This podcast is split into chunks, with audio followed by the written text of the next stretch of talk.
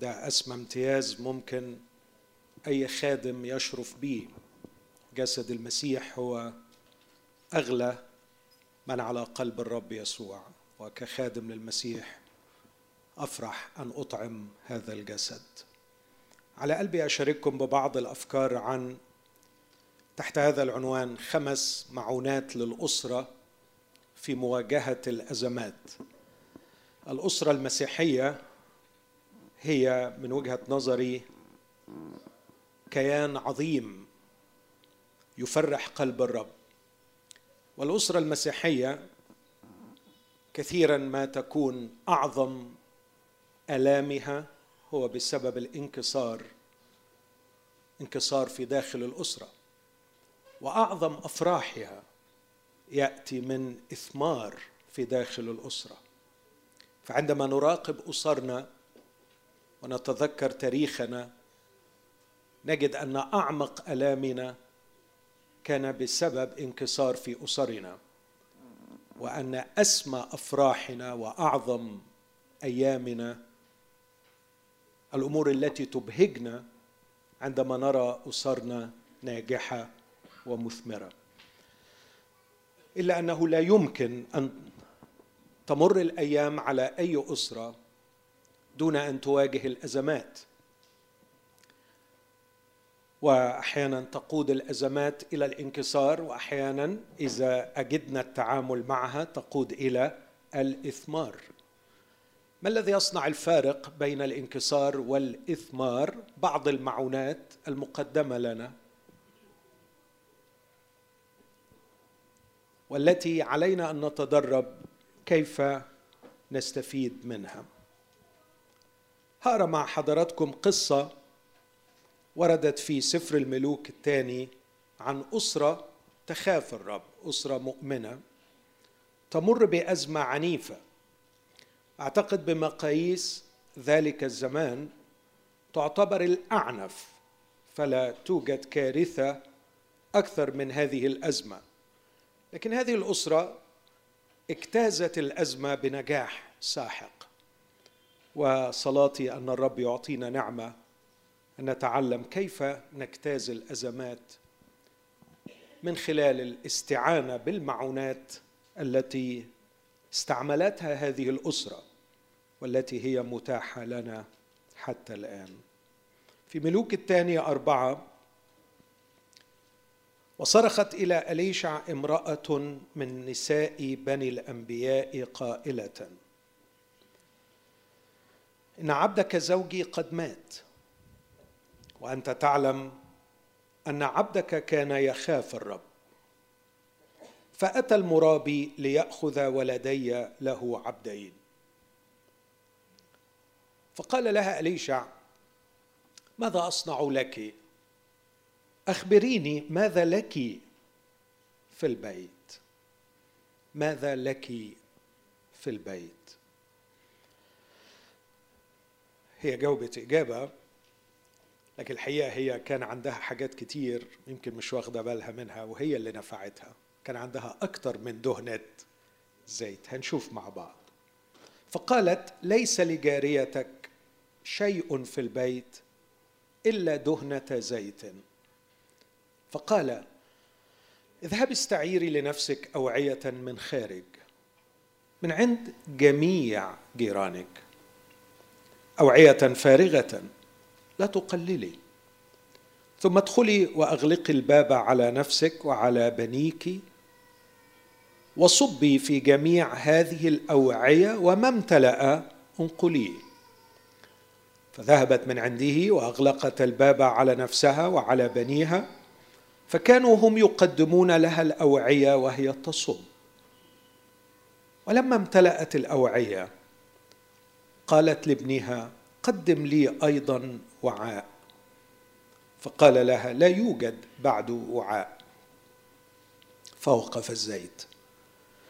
فأتت وأخبرت رجل الله فقال اذهبي بيعي الزيت وأوفي دينك وعيشي أنت وبنوك بما بقي. آمين. هذه هي كلمة الرب. سؤال بتسأله كتير في أماكن مختلفة من خلفيات مختلفة. لماذا تؤمن أن الكتاب المقدس هو كلمة الله؟ وكثيرا ما أحتار في إجابة هذا السؤال. من الممكن أن أقدم إجابات كثيرة مختلفة ومتنوعة للدفاع عن وحي الكتاب المقدس وعن سلطان الكلمة المقدسة وعن طبيعة الكتاب المقدس باعتباره كلمة الله. لكن هناك أشياء أحيانا لا أستطيع أن أشرحها للسائل لكني أختبرها.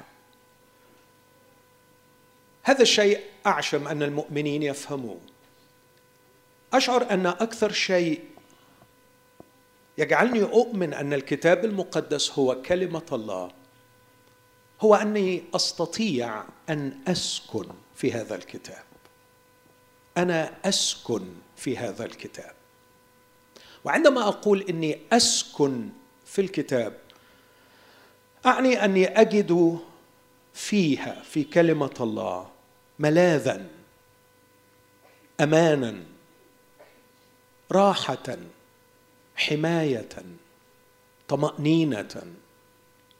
كل ما يعنيه المسكن للغريب كل ما يعنيه المسكن أو البيت للمسافر. كل ما تعنيه كلمة البيت لمن لا بيت له. لمن يعيش في العراء. لمن هو معرض للعواصف والأخطار.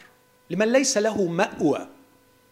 انها حسيس قاتلة أن يعيش الإنسان في ذعر وخوف وارتباك بلا مأوى. لكن هذا الإنسان ينتقل من حال إلى حال أعمق وأعظم عندما يجد بيتا. شعور البيت استعمله الروح القدس ليصور به بركات كثيرة نحصل عليها. الشركة مع الله هي بيت. قال عنها في مزمور 84 العصفور وجد بيتا والسنون عشا لتضع أفراخها. وأنا بالنسبة لي هذا البيت وهذا العش هو مذابحك. فأنا أهدأ في محضرك وأستقر أستقر في مسكنك. وختم بالقول أن الوقوف على عتبة بيت الرب خير لي من السكنى في خيام الأشرار. قد تهبني الخيام ملاذا ماديا لكن الوقوف على العتبة يهبني ملاذا روحيا ونفسيا. فشعوري بالأمان لا تضمنه وتوفره فقط الاحتياجات المادية كوني ساكن في قصر أو في بيت متين أو في أرقى مناطق العاصمة. لكن ما يوفر لي الشعور بالأمان والراحة هي عوامل روحية ونفسية تتوفر في هذا البيت. فكلمة الله أيضا يمكن الإشارة إليها باعتبارها مسكن للغريب مسكن لمن لا مسكن له.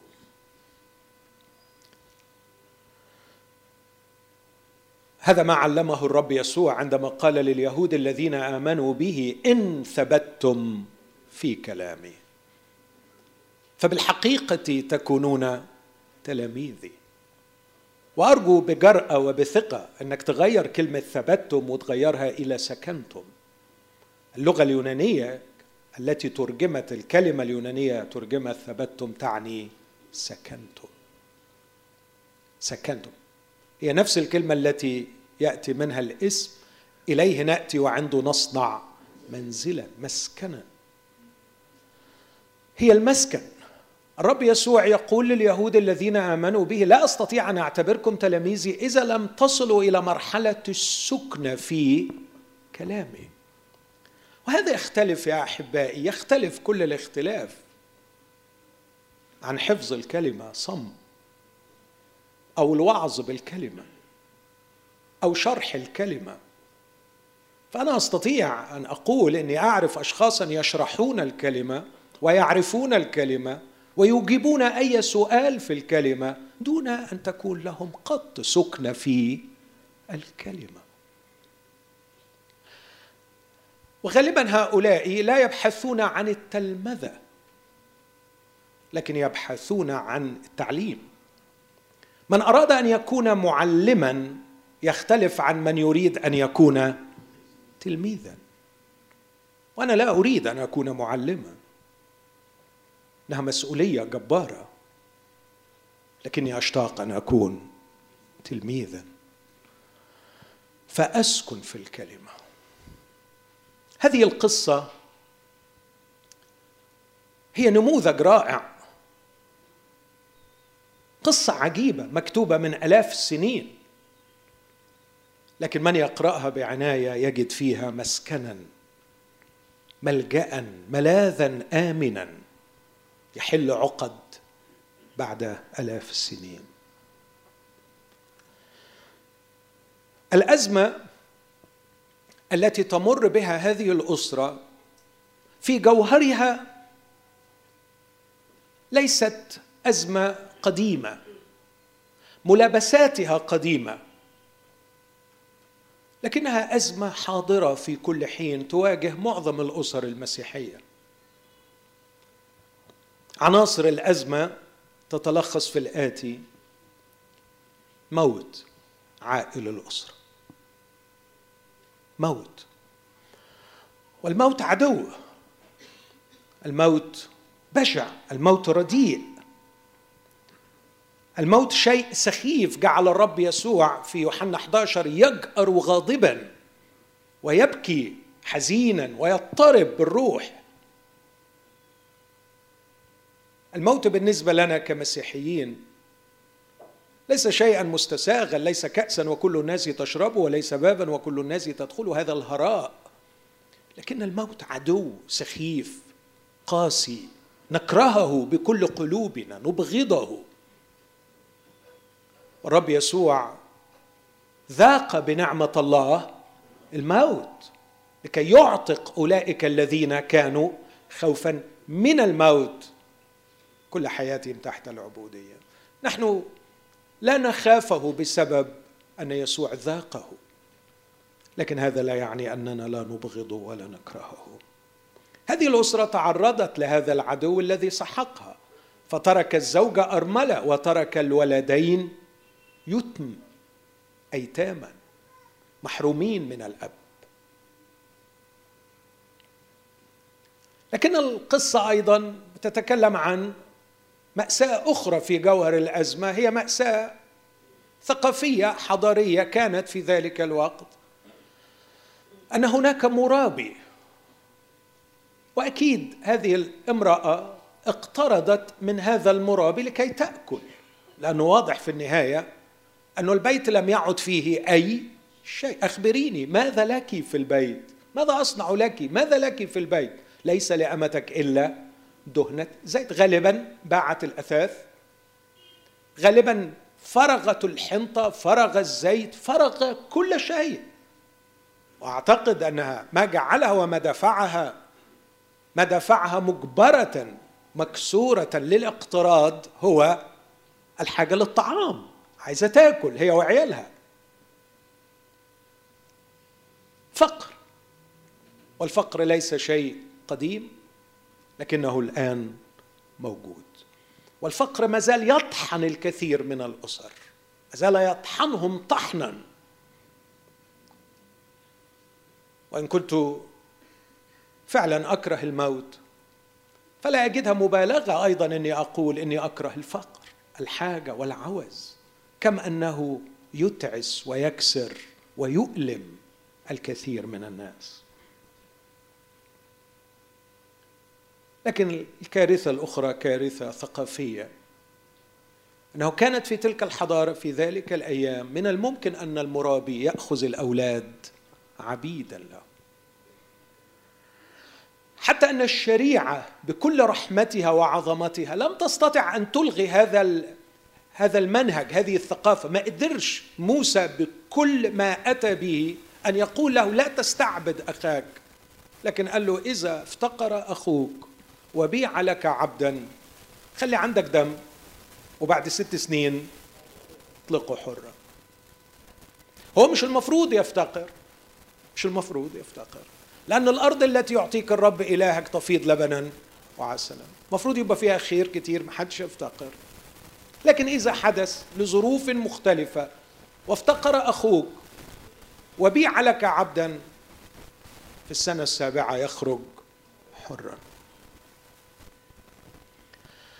لكن هذا المرابي رأى أخته فقيرة معدمة أرملة وأولادها أيتاما ولم يرحمها وقرر أن يمارس هذه الثقافة البشعة أن يأخذ الولدين له عبدين. لقد استحكمت دوائر الأزمة على هذه المرأة.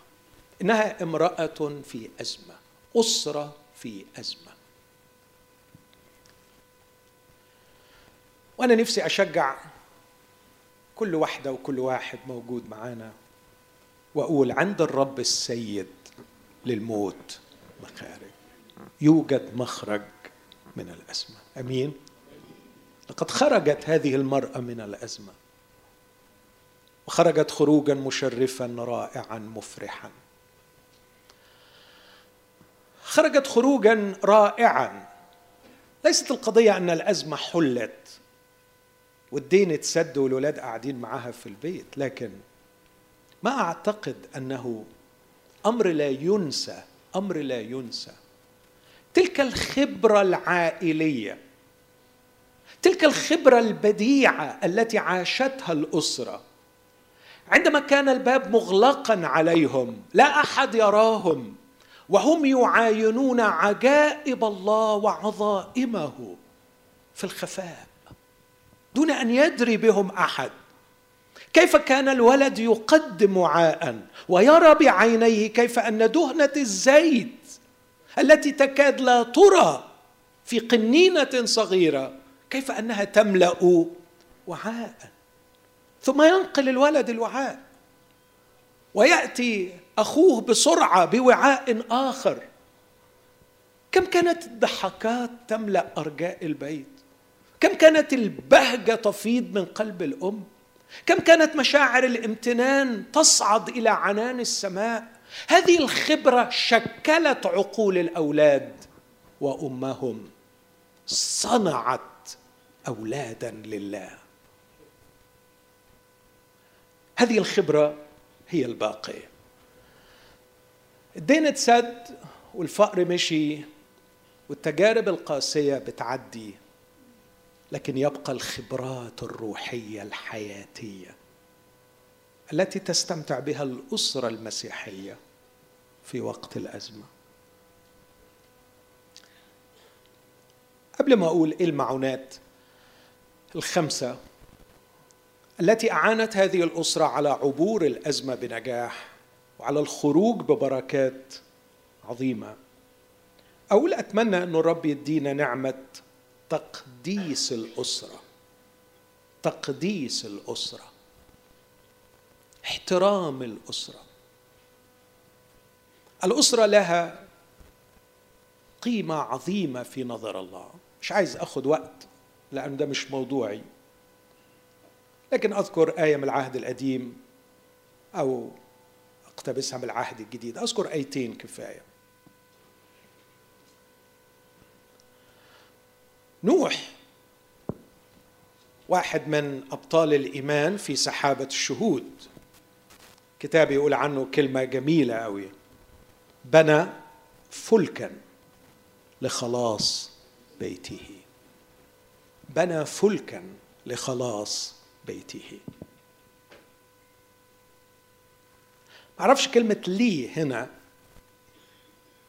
يمكن استعمالها كغرض كغاية هل بنى الفلك لخلاص البيت؟ أم أن الروح القدس يتكلم عن نتيجة لبناء الفلك؟ مش قادر أحكم بالضبط. اللي أقصده أنه القصة عندما نقرأها في سفر التكوين أن هناك كارثة مروعة ستحل على الأرض لكن نوح وجد نعمة في عيني الرب لإبقاء الجنس البشري فبنى الفلك لبقاء الجنس البشري. معرفش هل كان في ذهنه عيلته ولا كان في ذهنه إتمام مشيئة الرب لإبقاء الجنس البشري بأن يبني الفلك؟ لكن الروح القدس بيقول الخلاصة إن الراجل ده بطاعته للرب خلص بيته. خلص بيته. وأنا أعتقد إنه علينا مسؤولية أن نخلص بيوتنا. رجال ونساء. قال له آمن بالرب يسوع المسيح فتخلص أنت وأهل بيتك. هل يا رب لأهل بيتي مكان في قلبك؟ هل يا رب أنت تضعهم في خطتك؟ هل يا رب أنت مشغول بأولادي ليكونوا لك يخدمونك ويكرمونك ويعيشوا لك؟ إجابتي نعم. علينا أن نكون مقدسين للأسرة مهتمين بالأسرة شاعرين بأهمية الأسرة. تقول لي يعني غريبة شوية إنك بتقول الكلمة دي وهو في حد مش شاعر بأهمية الأسرة؟ آه. لا مش غريبة ولا حاجة لأنه النهارده في ثقافة المتعة يستثقل الشعور بالمسؤولية. وجوهر الاهتمام بالأسرة هو التضحية بالمتعة لحساب الشعور بالمسؤولية. الشخص الذي يتحمل مسؤولية أسرته هو الشخص الذي يضحي بمتعته. لا يمكن لا يمكن ابدا أقولها جازما. لا يمكن ابدا أن يكون هناك اعتناء بالأسرة اعتناء حقيقيا دون تضحية بمتعنا الشخصيه وحجم إسهامي في إنجاح أسرتي يعتمد على حجم استعدادي للتضحية بمتعتي ومتعي الشخصيه أكيد لو رحت قعدت مع أصحابي هتبسط أكثر. أكيد في رجالة كتير يحبوا يقعدوا على القهوة ويسيبوا أهلهم. بلاش القهوة يقعد في الاجتماعات ويسيب عيلته. واحيانا بتبقى الاجتماعات هي مصدر فن على فكرة مش يعني الراجل يعني مقطع روحه عبادة. هي فن هو بيستمتع كل واحد ليه الفن بتاعه وهو ده, ده الفن بتاعه. هو سعيد إنه بيلاقي الفن بتاعه في الكنيسة والخدمة وعيلته تتفلق.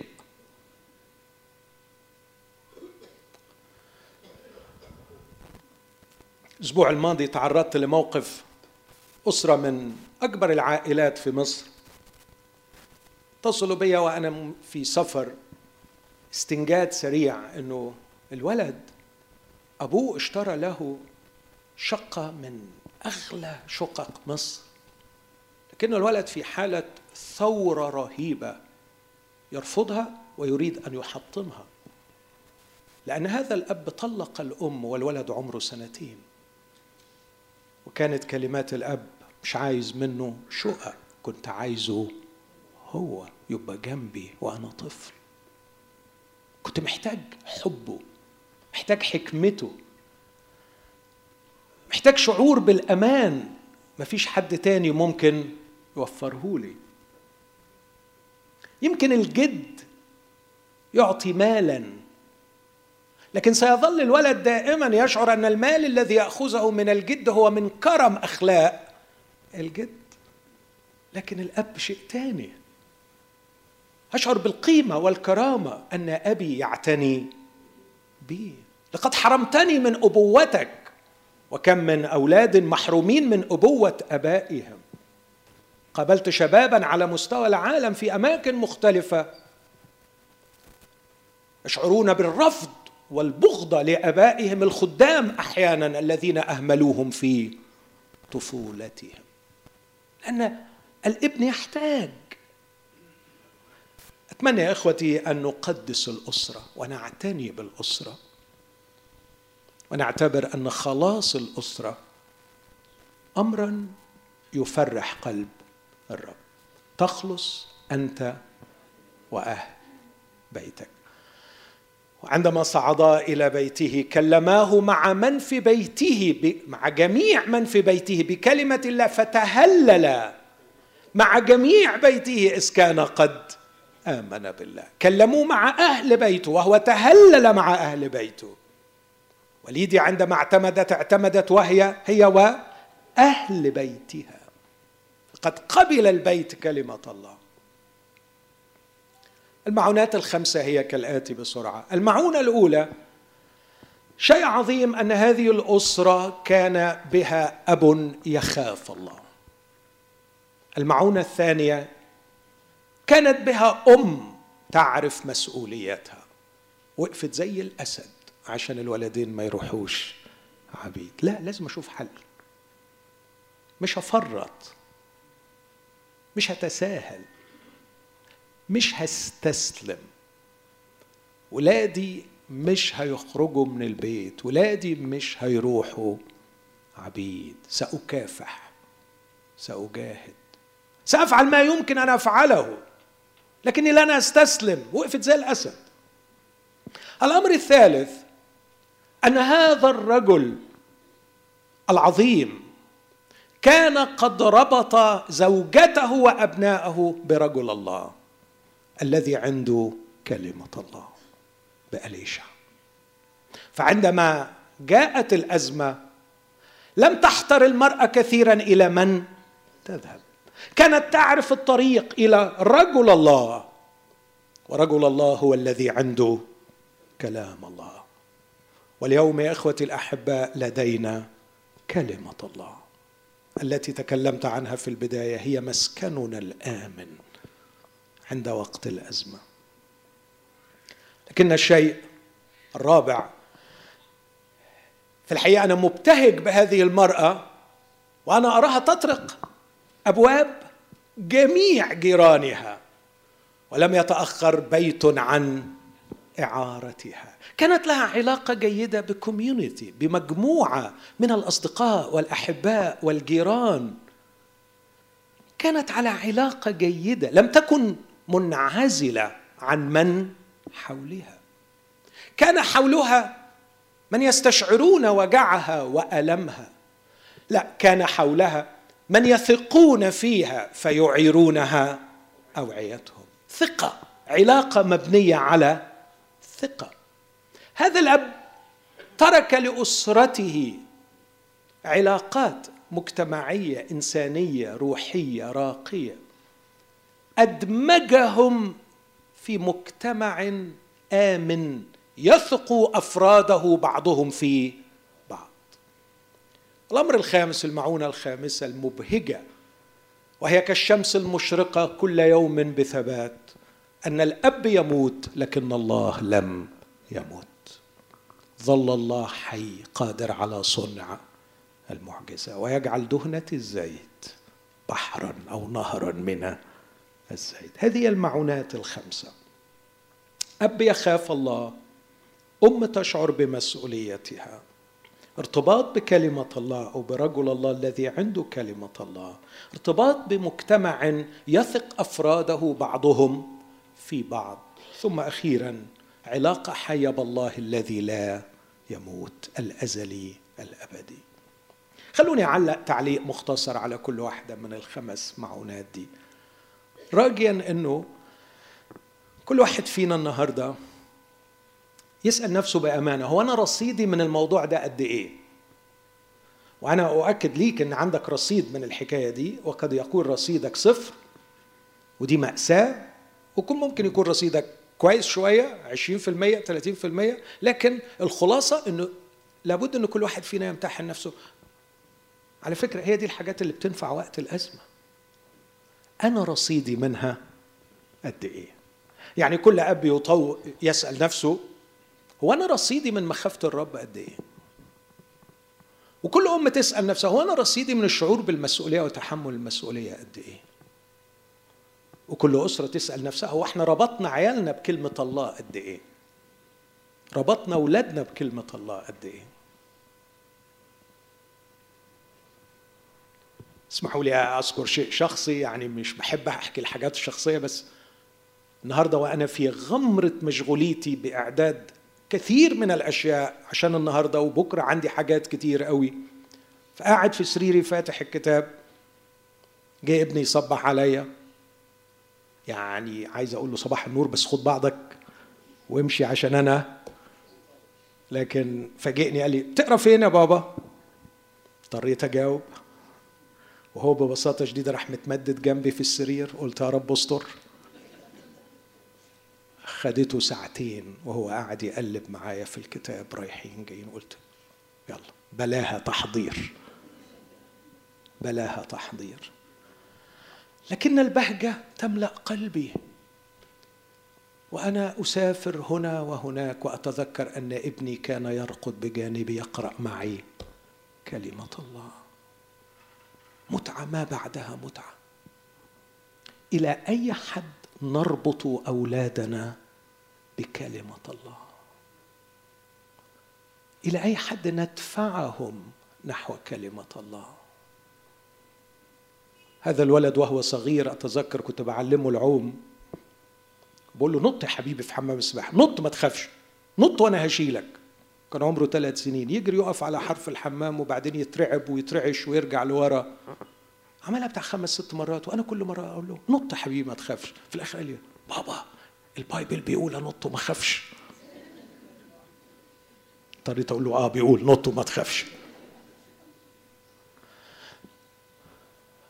قد غرس فيه أن النقطة المرجعية التي نحتكم إليها من جهة أجوبة أسئلتنا البسيطة والكبيرة هي كلمة الله. وعلينا أن نعلمهم أن الملاذ الآمن للسكنة عندما تشتد علينا الأزمة هي أيضا كلمة الله. محتاجين نسأل أنفسنا إلى أي حد ربطنا عائلاتنا بكلمة الله كنقطة مرجعية وكمسكن آمن عندما تستحكم علينا دوائر الأزمة. والسؤال الرابع في غاية الأهمية وأنا أرجوكم أنكم تكونوا أمنا مع أنفسكم وأنتم تسألون أنفسكم وتجيبون. إلى أي حد أنت مرتبط بمجتمع آمن يثق أفراده بعضهم في بعض؟ أترك هذا السؤال لعقلك النقدي ولضميرك الحساس. ما نوع علاقتك بالمؤمنين؟ وإلى أي حد تثق بعضكم في بعض؟ على فكرة من أعظم المعونات اللي ممكن أب يسيبها لعياله شركة مؤمنين. بس نوع معين من الشركة هتكلم عنه شوية السؤال الخامس إلى أي حد الله بالنسبة لنا شخص جديد مش قديم؟ شخص حاضر مش غايب؟ شخص موجود مش تراث من الماضي؟ إلى أي حد الله حاضر في الحياة؟ حي وموجود. دول الخمس أسئلة اللي أتمنى أن إحنا نروح بيهم ويكون جهادنا بنعمة الرب أن إحنا نرفع الرصيد فيهم. أمين؟ خليك كده ذكي شاطر واترك رصيد لعيالك اتركي رصيد لأولادك كويس في الخمس مناطق دول لأنهم هيحتاجوهم إن اجلا أو عاجلا. فمن فضلك ركز وحاول تعلي الرصيد في الخمس مناطق دول. وضحي بأي حاجة واستثمر أي حاجة علشان خاطر الرصيد ده يعلى. مخافة الرب. يعني إيه راجل يخاف الرب؟ الحقيقة أكثر شيء يؤثر في في هذه القصة التي ذكرت عنها في البداية إنها فعلا ملجأ لقلبي في وقت حيرته وقت ألمه. ألجأ لهذه الكلمة الحية. أنهل أرتوي من نبعها الصافي وأشعر بالأمان وأنا أسكن فيها؟ في أول عدد كلمتين ورا بعض. عبدك زوجي قد مات. بس شوف اللي بعديها. وأنت تعلم أن عبدك كان يخاف الرب. إن مخافته للرب بدأت من الداخل. وخرجت إلى الخارج.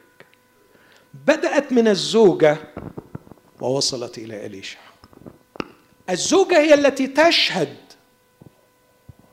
عن مخافته للرب.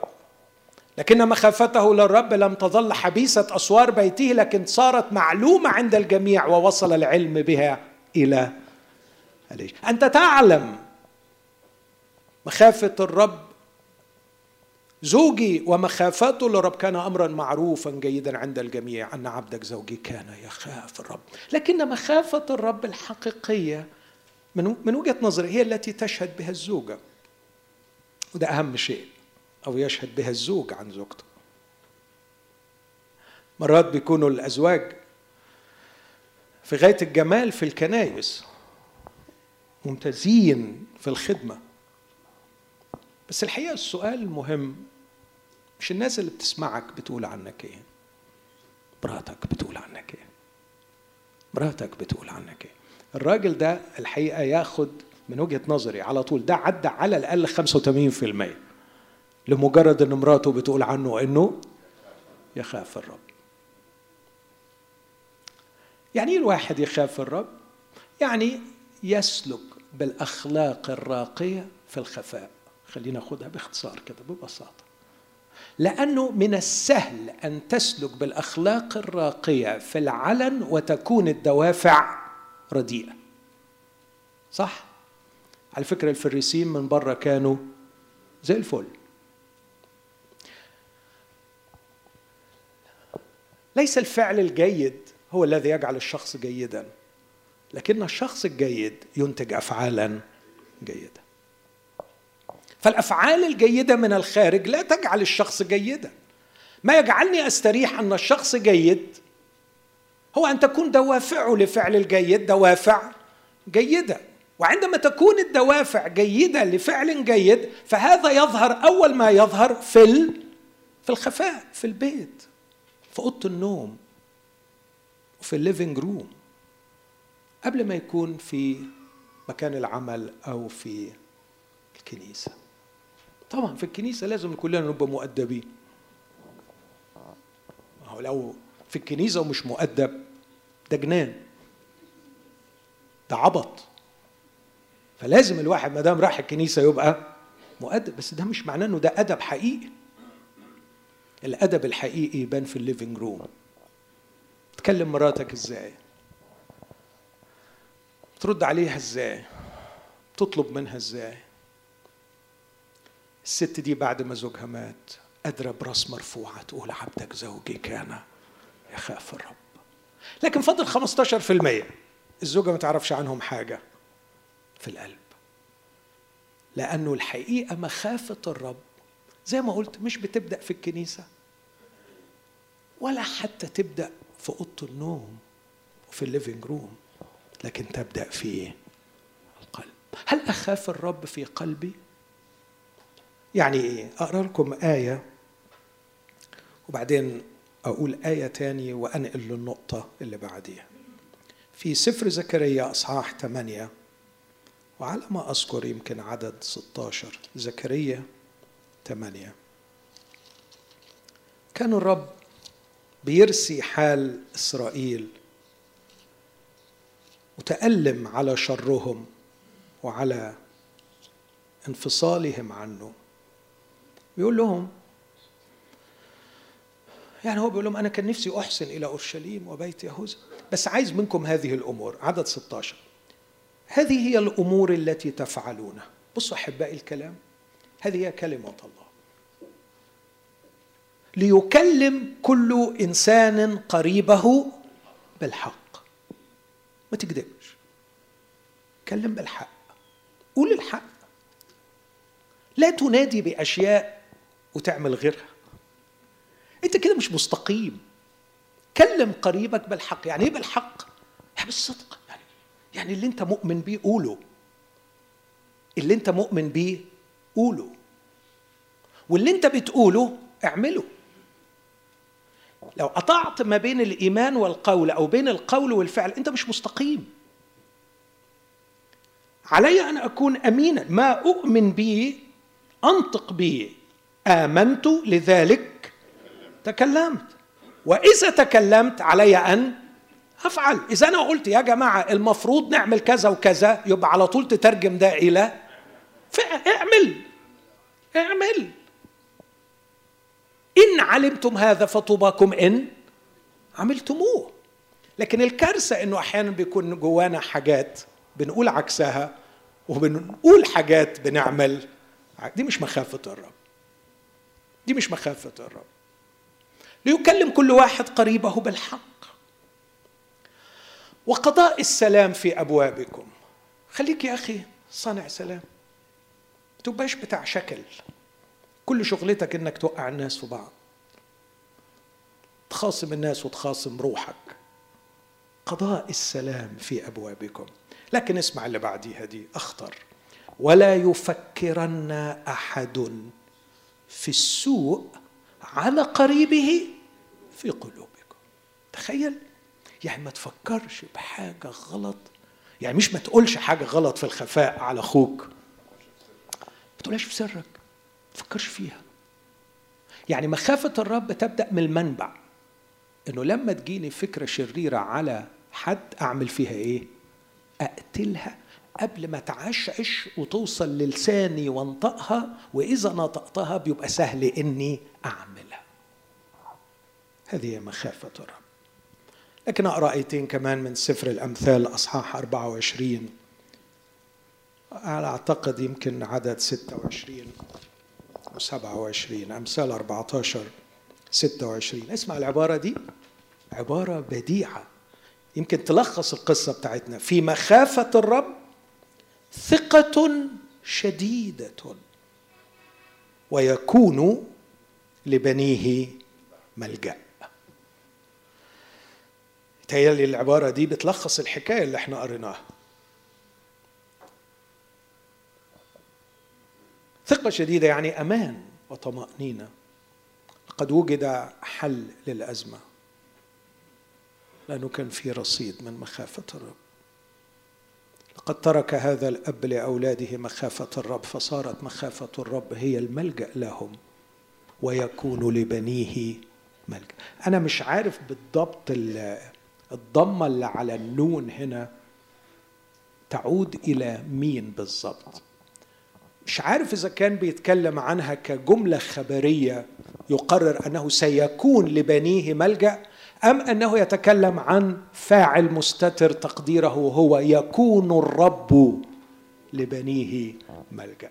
فأميل أنه عايز يشير إلى الرب أن الرب سيكون لمن يخافه مش لمن لأولاد من يخافه ملجأ.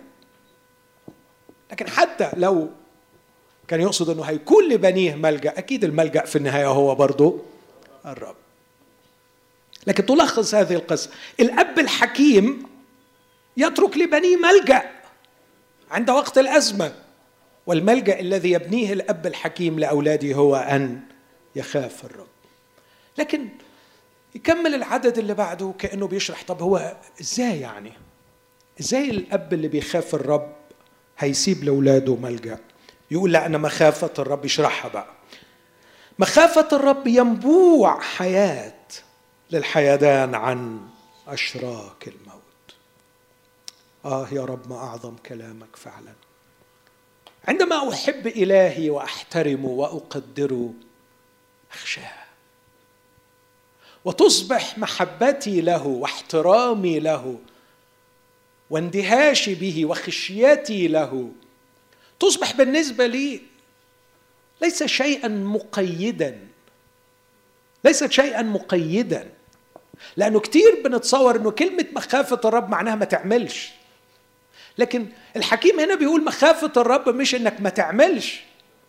لكن دي بتطلق فيك طاقات للفعل. فمخافة الرب ينبوع حياة. دي هتخليك تعيش. تعيش صح. لأنه الحقيقة التصرف بعيدا عن مخافة الرب هو موت. فمش مخافة الرب ما تعملش. مخافة الرب إنك تعمل. بس تعمل اللي بيدفعك إليه الرب اللي بيقودك إليه بتقودك إليه الشركة مع الرب. ما مخافة الرب بالنسبة لنا ليست الكلمة العربية التقوى. دايما بقول الكلام ده بتزعجني لأن التقوى مع احترامي لل خلونا أشرح حاجة. أي كلمة ليها اللي بيتسمى denotation و connotation ال denotation هو المعنى القاموسي بتاع الكلمة. الكلمة دي معناها إيه في القاموس؟ بس مش ضروري المعنى القاموسي يبقى هو المعنى الشائع في عقول الناس اللي هو ال connotation. فالمعنى الشائع لكلمة التقوى حاجة جميلة مش كده؟ بالإجماع عظيم هو سر التقوى حاجة جميلة. بس لما تروح للمعنى القاموسي التقوى من الفعل التقى وأن تتقي الشيء أن تحذره وتتجنبه. واتقاء الله أو تقوى الله أن تحذر الله وتتجنبه. تتجنب مكره وتتجنب انتقامه وغضبه. احذروا تجنبوا. هذه التقوى في المفهوم العربي. لكن مخافة الرب في المفهوم المسيحي بالعكس هي علاقة. هي مش ما تعملش لكن تعمل لأنك بتحبه. وبتندمج معاه وبتفرح بيه وبتمتلئ بيه. فتفعل وتفعل وتفعل. لكن أدي لك صفة للأفعال دي. إنها أفعال تحيد بك عن أشراك الموت. تخيل. وكأن الدنيا مملوءة بالأشراك والفخاخ. حيثما ذهبنا هناك فخ منصوب لنا. لكن ما يحميني من فخاخ وأشراك الدنيا. اللي بينصبها إبليس هو أني أحيا في مخافة الرب. فعندما أحيا في مخافة الرب تجد رجلي موضعا بعيدا عن الشرك دون أن أفكر. أفلت من الفخ دون أن أفكر. لكن أجد نفسي منقذا من الفخاخ بسبب مخافة الرب. فمخافة الرب ينبوع حياة. للحيدان عن أشراك الموت. أما المرأة المسؤولة الأم المسؤولة توقف عندها في كلمات قليلة. برضو في سفر الأمثال أصحاح 31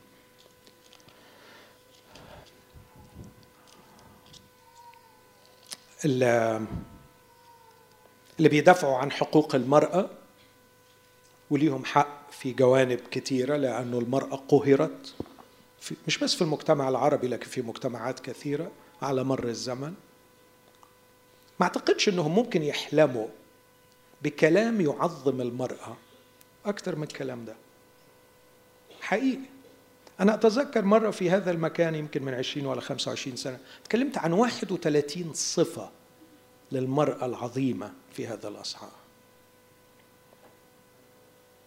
والغريب جدا إن الكلام ده مكتوب في الوقت اللي كان اليهودي يصلي فيه ويقول اللهم أشكرك إنك لم تخلقني امرأة.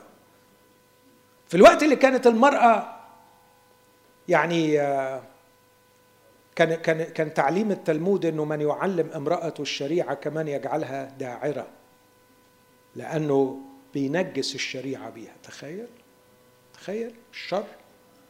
في هذا الجو من المفاهيم عن المرأة يطلع لك هذا الأصحاح في كلمة الله. اقرا بسرعة تسمحوا لي؟ ثمنها يفوق اللآلئ بها يثق بها يثق قلب زوجها زوجها. فلا يحتاج إلى غنيمة. امرأة مسؤولة عظيمة. تصنع له خيرا. ما بتأذيش ما اذتهوش ابدا. لا شرا كل أيام حياتها. وهذا لا يعني أنها مرفهة انها عاملة مجتهدة. تطلب صوفا وكتانا. تقول لهم هاتولي وتشتغل بيدين راضيتين. هي كسفن التاجر. تجلب طعامها من بعيد. بتعرف تخلق الثروة من حيث لا ندري. بتعرف تدبر الأمور بشكل عجيب. مش شغلتها هو يجيب وهي تفرتك. بالعكس دي هي بتعرف تستثمر الموجود. تقوم إذ الليل بعد وتعطي أكلا لأهل بيتها وفريضة لفتياتها. هي بتقوم الصبح بدري مش بس عشان تجهز أكل مش شغلتها بس أكل. مش شغلتها تطبخ وتغسل. تعطي أكلا وفريضة. فريضة يعني حكمة ونصايح وتوزيع للعمل. وكأنها بتقول شغلتي في البيت مش بس أوكلهم وأشربهم شغلتي في البيت أعلمهم وأديهم من الحكمة والخبرة. تعطي أكلا لأهل بيتها وفريضة. تعطي فريضة. تقسم الشغل وتدي حكمة وتقنع وتموتيفيت وتحمس. تتأمل حقلا فتأخذه. هي شريكة في صنع القرار هنا؟ هو مين اللي بيشتري الحقل؟ أكيد الراجل بس هنا بيقول مين اللي جاب الحقل؟ هي. وهو مقتنع بآرائها. وعلى فكرة مش هو اللي تأمل هي. اللي تأملت هي اللي قالت نعمل كذا ونعمل كذا ونعمل كذا عشان المستقبل ونخلي بالنا. وهو يقول لها عندك حق. شريكتي. تتأمل حقلا فتأخذه. وبثمر يديها تغرس كرما. تنطق حقويها بالقوة وتشدد ذراعيها. يعني بتقدر ت motivate herself يعني لما تلاقي روحها فشلانة هي اللي بتشجع روحها. تشعر أن تجارتها جيدة سراجها لا ينطفئ في الليل. تمد يديها إلى المغزل تمسك كفاها بالفلكة. تبسط كفيها للفقير. مشغولة بالفقراء. تمد يديها إلى المسكين. لا تخشى على بيتها من الثلج لأن كل أهل بيتها لابسون حللا. تعمل لنفسها مش مبهدلة في منظرها. تعمل لنفسها موشيات لبسها بوص وأرجوان. زوجها معروف في الأبواب حين يجلس بين مشايخ الأرض بتتاجر كمان تصنع قمصانا وتبيعها. business woman بتتاجر بتفكر والتاجر. تعرض مناطق على الكنعاني تقعد يعني بتعمل ماركتينج يعني مش بس صانعة وبائعة لكن كمان تعمل تسويق. بتعرض المناطق وتقول له خد وتحاول تقنعه إنه يشتري. العز والبهاء لباسها وتضحك على الزمن الآتي. تفتح فمها بالحكمة. آه من الجنون والغباء الذي افترض أن المرأة أقل في العقل. خسروا كثيرا جدا جدا جدا جدا من أهملوا عقل المرأة على أنه أقل. هذا السفر العظيم ما قالش إن حكمة الراجل تبني بيته لكن حكمة المرأة تبني بيتها. وهنا بيقول مش بس بالحكمة تبني تفتح فمها بالحكمة تفتح فمها حكيمة. لديها حكمة تسمع ولديها حكمة تفعل. في لسانها سنة المعروف تراقب طرق أهل بيتها مش نايمة على ودانها. ولا تأكل خبز الكسل يقوم أولادها ويطوبونها. زوجها أيضا فيمدحها. يقولوا إيه في القصيدة اللي كتبوها لها؟ بنات كثيرات عملن فضلا أما أنت ففقت عليهن جميعا. الحسن غش والجمال باطل. أما المرأة المتقية الرب فهي تمدح. أعطوها من ثمر يديها ولتمدحها أعمالها. في الأبواب. ملاحظتين على الجزء ده. واحدة من أبشع الأكاذيب المنتشرة في العالم وهي أكذوبة شيطانية يروج لها الشيطان ويحاول من خلالها أنه يحطم الأسر أن تختزل المرأة في المجتمع إلى مجرد جسد. فقيمة المرأة كل القيمة تقوم على شكلها ومنظرها وجسدها مش على عقلها وحكمتها وإيمانها وثرائها الروحي. هذه الأكذوبة التي إبليس روجها والرجال صدقوها بسبب الحيوانية واستسلامنا لغرائزنا فاختزلنا المرأة إلى مجرد شكل لكن للأسف المرأة صدقت هذه الأكذوبة عن نفسها فبقيت حاسة إن قيمتها كلها في شكلها إذا ضاع الشكل ضاع كل شيء. خدوا بالكم في كل الشعر الرهيب جاب سيرة شكلها؟ تكلم عن جسمها تكلم عن شبابها ومكياجها. لا بالعكس راح خاتم بحاجة غريبة قوي. الحسن غش والجمال باطل. أما المرأة المتقية الرب فهي تمدح.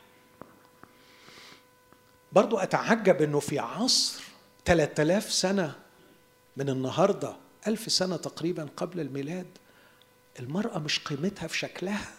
دي كانت دي الثقافة اللي ماشية دي الثقافة اللي ماشية النهاردة. كيف كيف ترتقي كلمة الله عن ثقافة العصر؟ ببساطة لأنها كلمة الله ما لو جاية من بنت بيئتها كانت قالت كلام غير كده خالص صح؟ يعني لو لو الأصح ده هو منتج بيئته كان مستحيل يقول الكلام ده. لكن الملاحظة الثانية دول صفات كتير قلت عنهم 31 صفة. لو حاول ألخصهم في كلمة واحدة صفة واحدة تجمعهم كلهم امرأة تشعر بالمسؤولية. حسب المسؤولية. مسؤولية تجاه كل حاجة.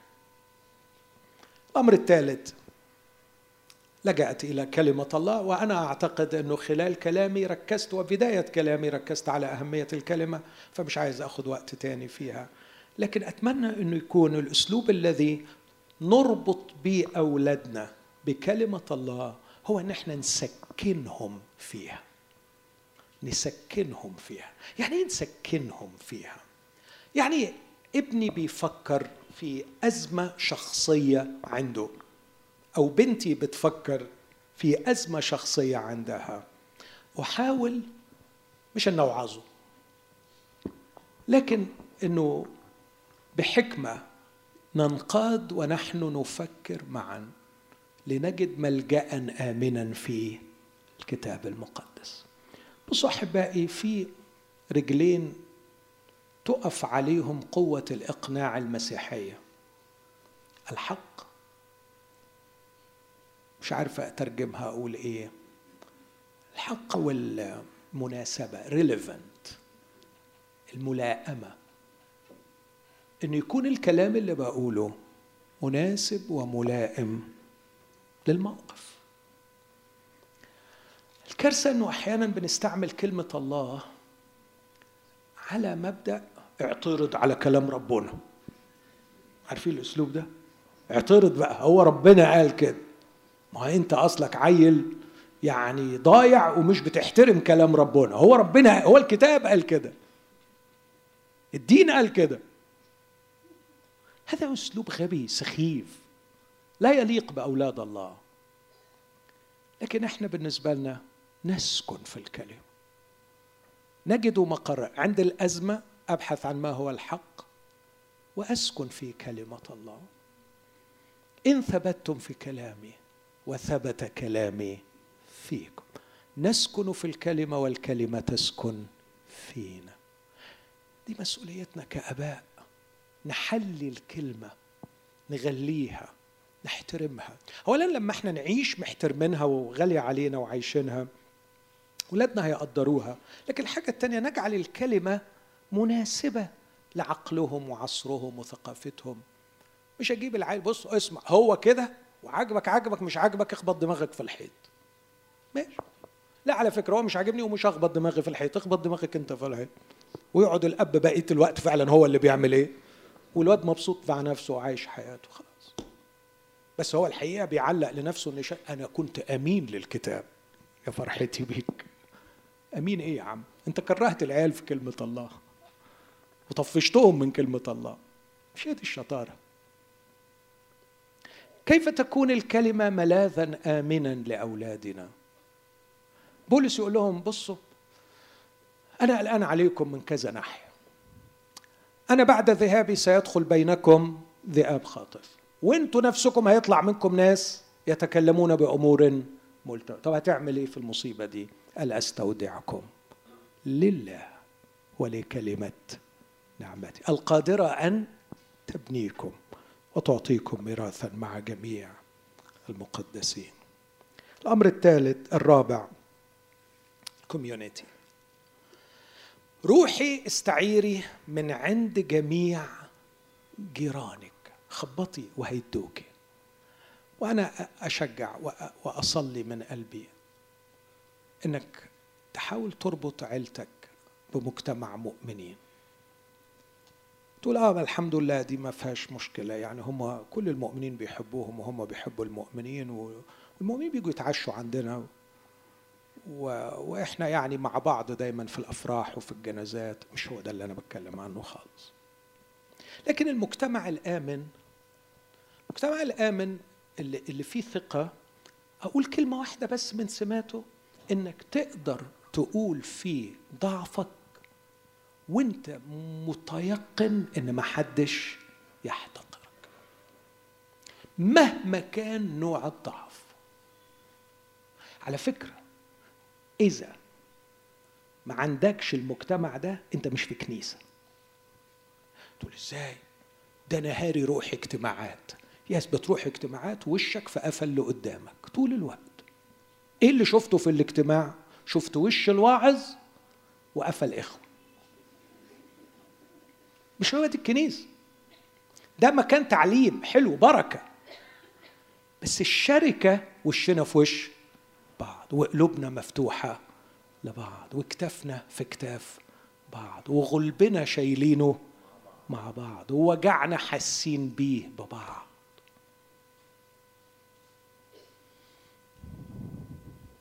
شابة بتقول لي اعتدت إني أحقن نفسي بالهيروين. لكن شيء غريب جدا بتقول الكلام ده.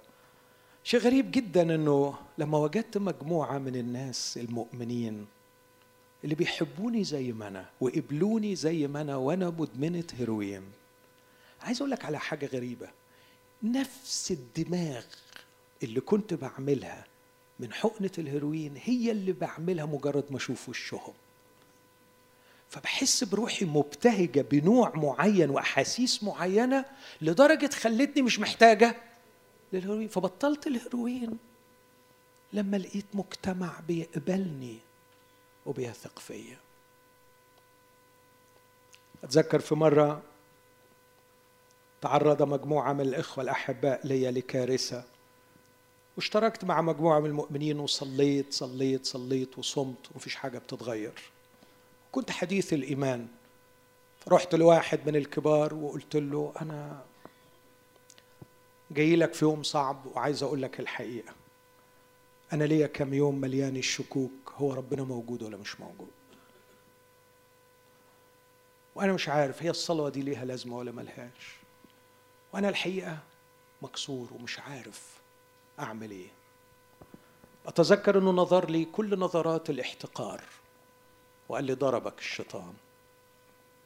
ونزلت ذليل مكسور لا يمكن أنسى اليوم الأسود ده وأنا ماشي في الشارع. فاقد إيماني وفاقد احترامي. لأنه ما طبطبش عليا وما حسش بيا. في هذا اليوم الأسود اتعلمت درس قعد معايا طول العمر. اوعى تبين خيبتك للمؤمنين. أوعى مش هيرحموك. خيبتك تخليها لنفسك. إن بليتم فاستأجروا. بس على فكرة مش هي دي الكنيسة ومش هو ده شكرا مش هو ده الوضع المسيحي. الوضع المسيحي العكس اعترفوا بعضكم لبعض بالزلات وصلوا بعضكم لبعض لكي تشفوا. ده مش هو قال له أنا هنكر ده اللي هو اللي قال له أنت هتنكر خيبتك معروفة وخيبتك تقيلة وهتنكرني. ومع هذا بحبك وهغسل رجليك وهروح لك بعد ما تخيب تاني وأقول لك أنا واثق فيك. وارعى غنمي. أنت الأول وهتفضل الأول. إذا لم تكن لك مجموعة من المؤمنين. تقدر تقول لهم على خطاياك الجنسية وعلى شكوكك الفكرية وعلى ماضيك المخزي وتفضفض معاهم وتبقى في النور معاهم. هتفضل بأمراضك الروحية وعمرك ما هتقدر ترتقي. كوميونتي مجموعة من المؤمنين. في شركة مش شركة سطحية. تعتمد على العطي... على العقيدة أو شركة سطحية تعتمد على المستوى الاجتماعي أو شركة سطحية تعتمد على الفن نلاقي وقت لطيف مع بعض خروجة كده مع بعض فسحة مع بعض قعدة مع بعض على رأي العراقية يقول لك نسولف. يعني قاعدة فيها نسولف. يعني إيه نسولف؟ يعني نحكي نحكي نحكي. ومرتبطة بالسلاف اللي هو يعني كأنه سكر. يعني يعني ننبسط يعني مجرد نحكي ونتبسط. ونجيب بقى ذكريات زمان وأخبار زمان و... وحكاوي زمان وأهالينا واللي جابونا واللي خلفونا واللي راحوا بينا واللي جم بينا واللي قابلناهم.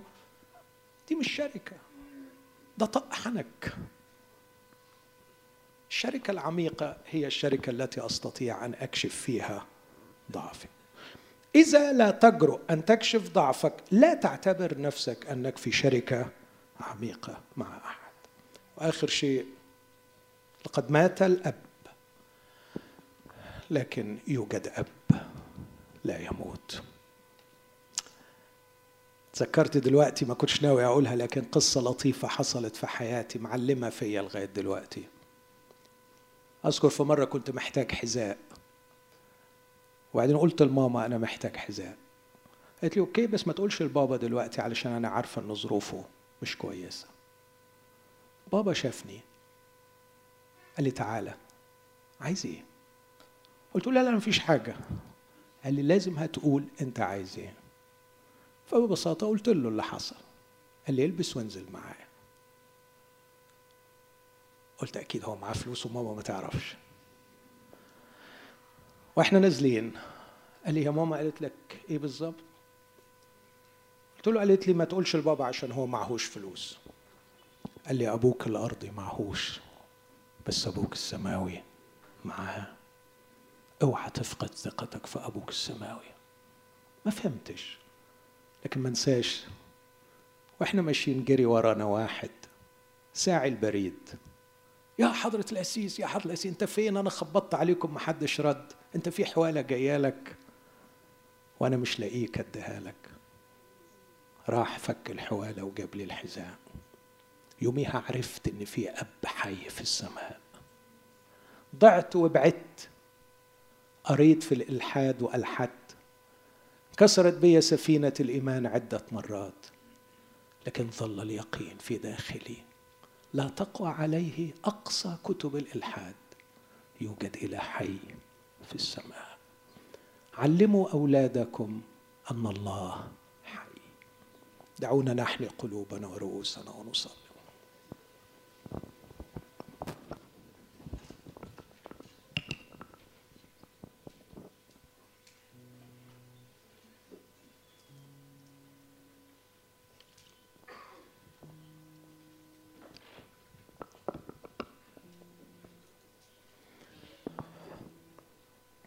يا أبانا الصالح أشكرك لأنك أعطيتنا هذه الكلمة العظيمة الحية لكي نسكن فيها وتسكن فينا. أشكرك لأجل هذه القصة التي سجلها الروح القدس من آلاف السنين لكي ما تكون لنا سراجا ونبراسا. تضرع إليك يا أبانا أن تستخدم هذه الأفكار الخمسة لتسكنها في قلبي من جديد. وتسكنها في قلوب إخوتي. عنا لكي نعلمها لأولادنا. فينطبق عليهم القول وأنت منذ الطفولية.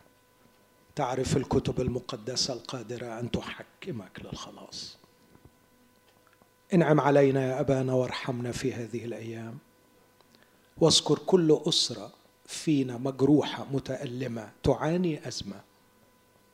افتح عيونهم على المنفذ على المخرج. ونشكرك لأنك أنت المخرج والمنفذ الذي لا يغلق في وجوهنا ابدا. في اسم المسيح يا آمين.